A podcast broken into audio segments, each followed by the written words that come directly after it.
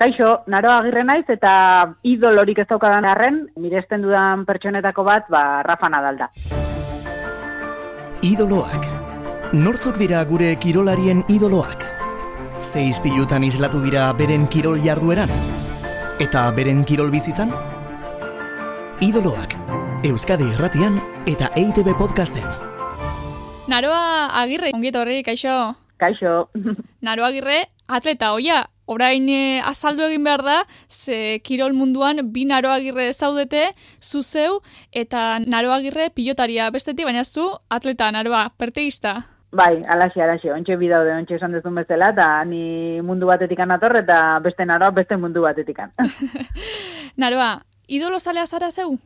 Ez, inoiz ez te, teukiola idolorik, txikitan ere ez te teuki, hola, gustoko jendea edo miresten edo gusta ez jendea bai, o pertsonak edo kirolariak edo bai, baina hola idolorik edo ez. Eta hori, e, zer dela eta ze batez ere aurra garenean edo gaztetxoa garenean eta kirolen ari garenean ez da e, ikusten ditugu e, referente batzuk eta idolo bilakatzen dira azkar-azkar ziztu bizian, zuk inoiz ez duzu horrelakorik itzan? Bueno, nik uste sentipe bat dala, ez? Eta nik ez dut eukio bai esan detena, erreferente edo izan direnak izan ditut, hau da, arlo desberdinetan, e, kirolean nengoenean, ba, ba, bai miresten ditun pertsonak izan ditut, ez? Erreferente izan dianak, edo pertsona honen, e, honetatik, baina ez pertista izan beharrik, ez? Ba, hau gustatzen zait, egiten du hau gustatzen zait, edo nola eramaten duen ez dakite kompetizio bat gaizkiatatzen beste pertsona honen gantik ikasten dut, orduan erreferente desberdinak eduki ditut, baina hola bat esateko eski honet dana kumplitzen du, ba, ez, zait, ez dakit, mustet, barrotik ateatzen dan zerbait dela, eta inoiz ez duki hola, e, olako pertsonaik. Baina miretsi bai, jende asko, kirolari asko, bat esan beharko bazen aroa? Bai, bat aukeratzekotan e, Rafa, nadal da, guztet, hola, biltzen ditunea, bai bere, oza, ber, orok, orokorrean pertsona bat miresteko dauzkan gauza asko edo gehienak dauzka.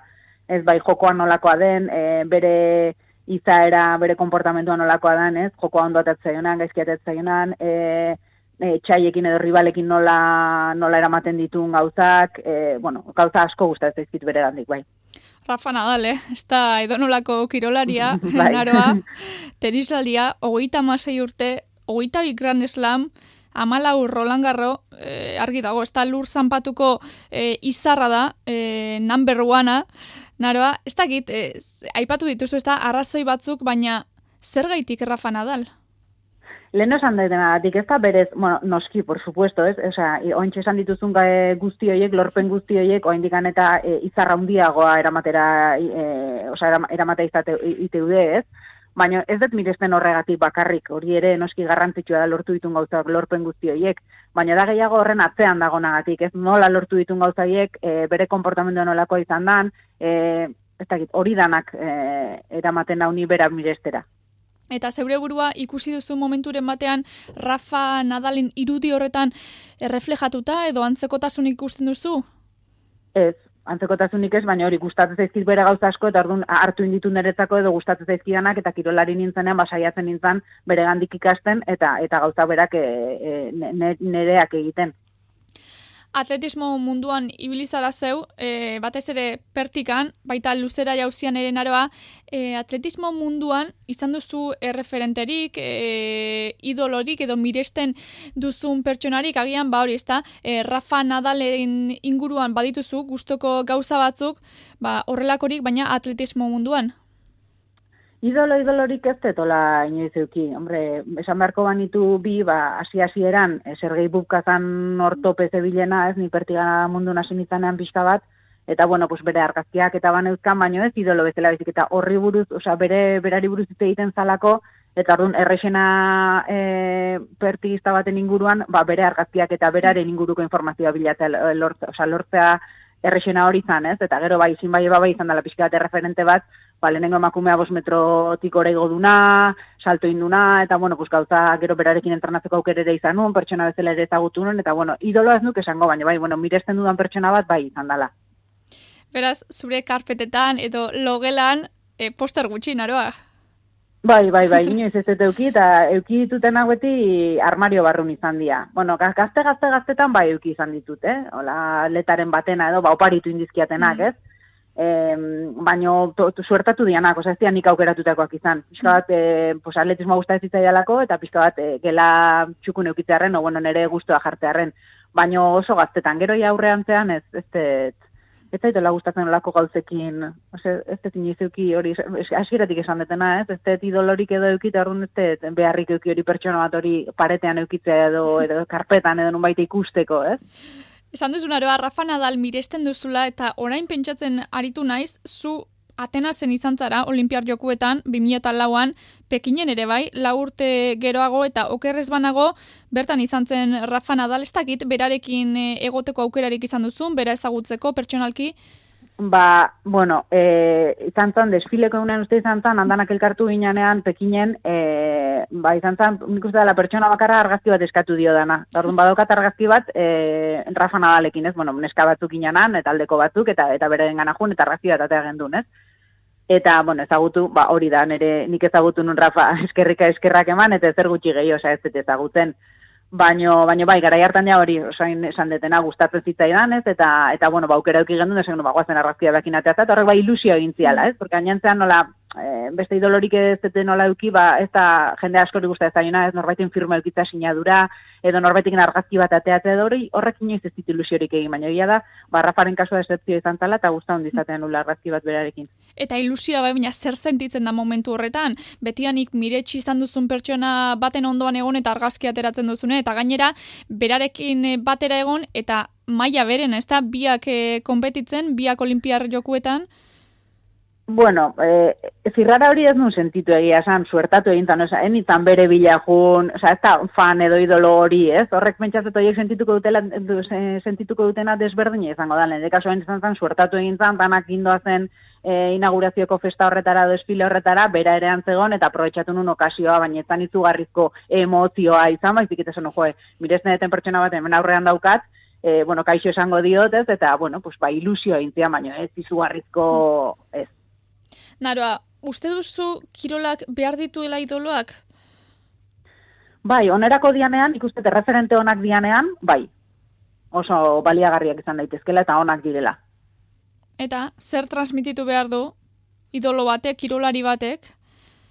Bueno, nik uste gauza asko transmititzen ditula. Danetako irudi hori Rafa da adibidez, ez? Da bakarrikan ze, ze lorpen eh, lortu ditun, ez? Baizik eta horren atzetik pertsona badagoela eta no, eta errepikatzen dut berriro bere konportamendu nolakoa dan denbora guztian. Hori da batez ere asko miresten detena, ez? Eta posizio horretatik, idolo postura horretatik, edo ez da goimaiako kirolari batek lagundu ere asko egin dezaken aroa. Ba, ez dakit, referente hona baldin bada, eta gaztetxoek ikusten baldin badute referente hori, eta hori segitu nahi baldin badute, orduan oso baliagarri izan daiteke. Referente hori ona ez baldin bada, nahi kirolean ona izan, ba, orduan referente bezala ez da ona izango.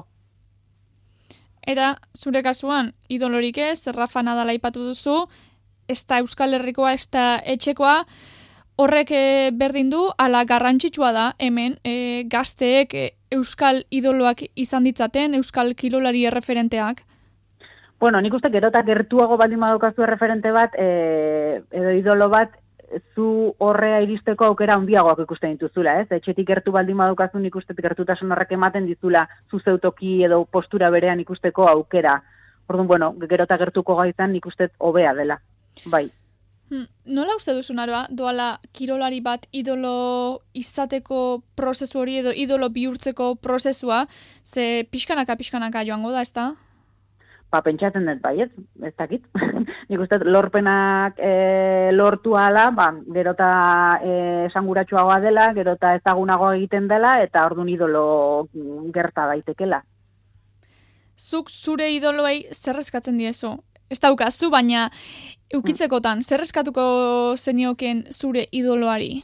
Ez que idoloa suertatzen da horrelako, osa hori pertsona hori gustatzen zaizulako, orduan horri ezin diozu ez eskatu, ez? Nik behintzat ez nioke ez eskatuko. Baloreren bat transmititzea ere ez, edo... Ez que gustatuko litzaiaket balore batu transmititzen ditulako, mm. bestela etzan idoloa izango niretzat. Horregatik gustatzen zai Rafa, osa transmititzen duen guzti hori daukalako, bestela etzan Rafa izango beste pertsona bat izango zan. Ordu nik uste idoloak dauzkagula, gustatzen dizkigulako pertsona horiek, eta batzutan nik uste gaztetxek, e, miresten dutela norbait e, puntu konkretu batean oso onak direlako, ez? Ni, ni ez naiz hortan bakarri gelditzen, osea, aratago jutea gustatzen zait, orduan pertsona bat oso oso ona baldin bada berean, baina gero atletikan baldin badauka beste fondo bat gustatzen zaidana, ba ja ez da kompletoan ere, eta orduan idoloa ez da pertsona hori. Baina ulertzaket beste batzuentzako izan daitekela, eta orduan erreferente hori agien ez da erreferente ona izango.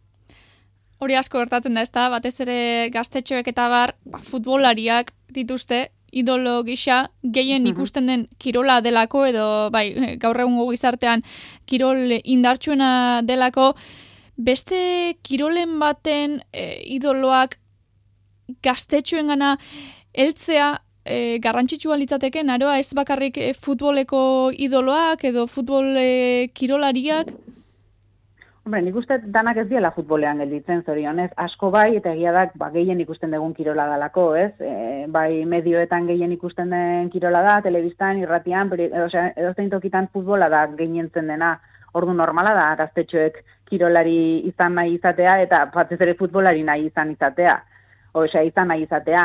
Baino, baino, bueno, nik uste beste kirol batzuk ere badaudela, ez? eta bueno, ba, bestakiz askibaloiare hor dago, eta, eta bueno, tenisa ere hor dago, ba, bestakiz, pixkanaka pixkanak ikustet kirolak ere, e, pentsatu nahi dut bere tokia, bigarra maileko kiroloiek ere bere tokia hartzen ari diala.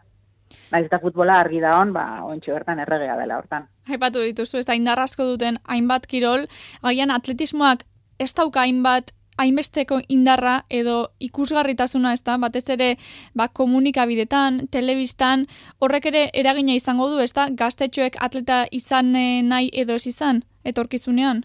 Bai, nik uste danak daukala eragina eta eta medioek zer erakusten diguten, noski horrek ere ere badu. Azkenan guztia futbola ikusten nahi bali maza, barrixagoa da horri engantzatzea, ez beste zer ematen nahi da zaizkizu baino. Hmm. Naroa, zu kirolari oso handia izan zara, Espainiako errekorra daukazu oraindik ere, e, pertiga jauzian, lau berroi tamaseiko jauziarekin, Sebian lortu zuen duela urte batzu bai, ja, 2000 zazpian hain zuzen ere, uste duzu izan zarela norbaiten idolo edo bazarela oraindik ere? Ba, ba ez dakit, ez dakit naizen o, o izan naiz. Gaur egun ez dut izango naizenik, bere gara izan naizenik, ba ez dakit, nien naiz, nire burua ez dut horrela ikusten, baino, baino ezin dut esan, oza, besteek ze zer sentitu duten, zer ikusten duten nigan ez dakit. Zuretzat, norbaiten idolo izateak zer suposatuko luke edo zer sentituko zenuke? Ba, ba, ez dakit, norbaitek hori izango banu, ba, ba lehenengo galdera igual esango nioke zergatik, pentsatzen dut hori galdetuko niokela. Ba, ba, orain arte Espainiak izan duen atletarik onentxuena izan zarelako, gutxienez eh, pertika jauzian aroa. Bai, bueno, baina horrek idolo izatera, ez, onena, omarkarik onena izateak, e, izatetik idolo izatera uste pauso bat badago, la orduan pixka bat gehiago aldetuko nioke, eta zergatik, o, o zer perkera mantzaitu hori pentsatzera, edo, ez dakit, ba, ez dakit. Orain, ba, Euskal Herrian baitugu, ez da, hainbat, e, pertiga jauzian aritzen diren hainbat kirolari, maialen aspe, edo eta malen ruiz deazua, e, izango zuten agian e, zuregan edo ikusmira hori edo edo erreferente gisa hartuko zintuzten? Badakizu zerbait hitz egin duzu beraiekin Ez zait iruditzen, nerekin konpetitu dutelako, maialen ere taldekidea izan da, eta ordu nik uste pixkat maila berekoak izan gehala, bai malen eta eta bai maialen ze gaztetatik ezautu gehan, ipistan egon urte askotan egon nahi, eta bere oso txikitatik hasi dira entrenatzen, gaina bere beraien entrenatzailea, e, nire entrenatzaileekin entrenatutako izan da, mundu, perdia mundua oso txikia da, eta are, are gehiago indikan bakipuzkoa mailan baldi gaude, Orduan, ez zait iruditzen, baina, bueno, momentun batean baliogarri izan nahi, ni beraientzat edo erreferentzi puntu bat izan naizen momentun batean, ba, hori ja ez dakit. Baina nik ikuste ditut maila bereko, ez ni idolo bezala ikuste baino idolo agian ez, zeuk izan duzu, baina bai lagun ez da, eta lagun handi eta erreferente, ze pentsa zer izan behar duen neskatila batentzat, naroa girrerekin entrenatzea, naroa girrerekin batera aritzea, ze hor adintarte bat eh, badago naroa, eta zu goi-goian zeudenean, ba, beraiek oraindik ere hasten hariko ziren ez da, Bai, pentsatzen dut, ez dakit ez dut ondo gogoratzen, baina, bueno, beti, oza, entrenatza bat abestarekin, azkenean, e, altura hundiagoan, ibilio altura bajuagoan, azkenean elkarrik iken biltzen, orduan, bueno, ba, nik, nik ez nuen ikusten diferentzia hori, ez dakit beraiek agian sentituko zuten, ezin dut esan, baina, bueno, ez dakit esatizut, agian erreferentzi bat izan naiz momentum baten bani lau metrotan bilenean, da bere kasi eran zen biltzenen iru metrota piko saltatzen, ba, igual, ez, esaten baduzuten, manera aldamenekon hau naroa hau da lau metrotan o lau metrotik ora, eta nire ibiliko naiz, ba, igual, erreferentzi zentzu horretan izan naiz, ez dakit. Eta momentuz, eh, Malen Ruiz da zua bintzat bideo netik ba? Bai, bai, bai, maialen e, ibilizan, oain, mm. ez da hain finez, azken denboraldientan, baina maialen lau berroita mar saltatzea iritsi da eta malenek lau berrogeita, ah, sei, zazpio, eta kitzen. Bai, berrogeita zazpio. Hor inguru da bil, orduan, bueno, ba, ba, bai, aukera dauzkaten bineskadia. Naroa, e, zuguste duzu idoloak joan etorrikoak direla, hau da, e, pertsona bat e, idolo izan ostean az daitekeela, denbora pasata?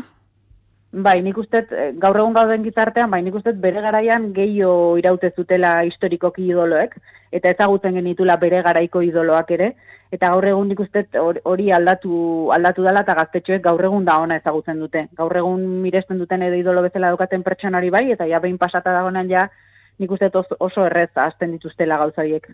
Zuk zen duzu horrelako sentsaziorik ba, kaletik joan eta eta gaztetxoek ez ezagutzean aro agirre? Bai, bueno, eskeni normalean kaletikan ez nau jendeak ez nau ezagutzen, o ezagutzen bana un behintzat ni ez nahi zenteatzen, orduan ez dut izugarrizke diferentzirik nabaritu ezertan. Ez duzu, beraz, ezer txoretan nabaritu e, de, diferentzia hori, eh? E, goi maian zaudenean eta eta orain, goi maiako bueno, atletismo utzi eta laburtera? Bueno, ba, ba igualeno jaletik jendeak gehiago ezagutzen nindula, ba izan daiteke, baino inoiz naiz oso jabe izan ere ze pasatzen ere ingurun, ez asko gero igual nindoanak esaten zian, jo, ikusi zu horiek nola zure beira gelditu dian edo, dani askotan enteature ez. Orduan, ba, zertxo bait bai ez dizut izango ez ez, baino ez gehiagirik ere. Eta bai igual leno jendeak ez, nire izena entzun da honi ezagutzen nindula, bazek, ba, bazekitela nor nintzen, eta gaur egun agian, ba, gaztetxoek ez dakite ez, zeni ja pasata nago, ez, esaten da bezala, baina lauri la urte obostutzi nun ja eliteko kirola, eta orduan ba, ba beraientzako ja, e, hori orain dela denbora, asko da, hori prehistoria da, huentzako.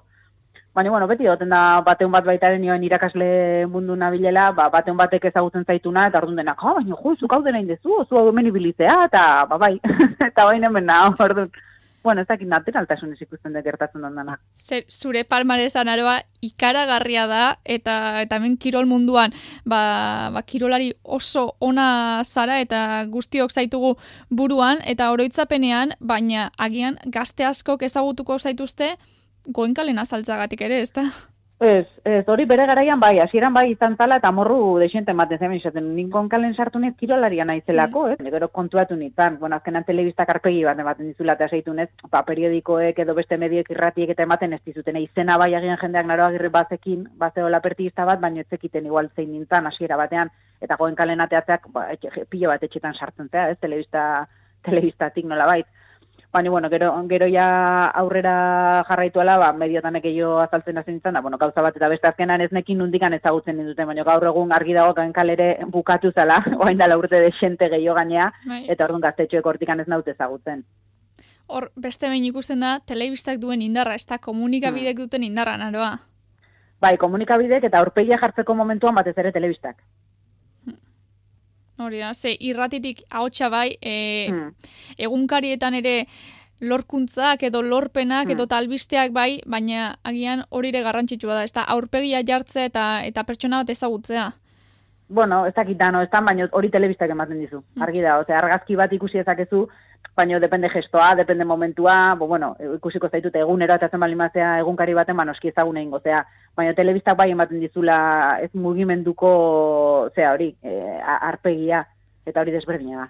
Piskanaka, piskanaka, ari dira gauzak aldatzen gizartean, kirolean naroa, baina uste duzu oraindik ere errezagoa dela idolotzat gizonezkoak izatea edo erreferente gisa gizonezko kirolariak izatea? Nik uste eta aurrera pausa hundiak ematen ari dela o ematen ari dirala emakumeak. Ez nik uste gerota e, futbola da horietako adibide bon bat, ez? E, futbola hoa indala gutxi harten eskena ezan existiture iten, ez? Medio entzako esan nahi dut. Beti aritu dia futbolari neska jolasean, baino ez zitzaien e, ematen behartuten pues, edapen hori, ez? Gaur egun ikustez gauzak aldatu diala eta eta neska asko ikuste ditut, ez? E, neskak idolo neskak dauzkatenak, ez? Futbolariak eta horrek egia esan postasuna ematen du, ez? Gizonezkoa bakarrik emakumezkoak egotea.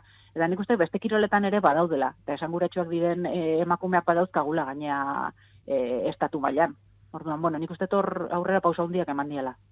Garrantzitsua ez da, ikusgarritasun hori ematea gaurko aurrek, e, gazteek, ba, emakumezko erreferenteak izateko, ze, ze posgarri den ez da kalektik joan, eta esaterako realeko kamisetetan emakumezkoen hmm. izenak ikustea elastikoetan, hmm. edo eta bestain bat kirolari ez da, horrek e, postasuna ematen du.